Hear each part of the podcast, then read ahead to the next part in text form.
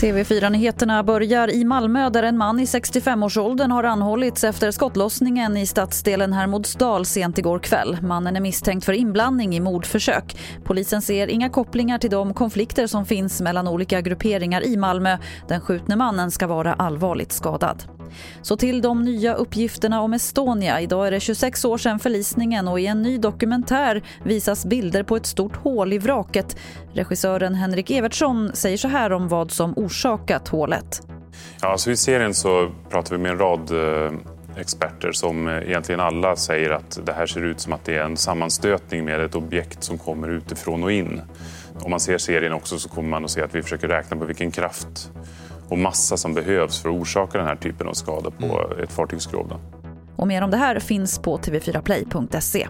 Och vi avslutar med att det idag återigen införs restriktioner för svenskar som vill resa till Finland.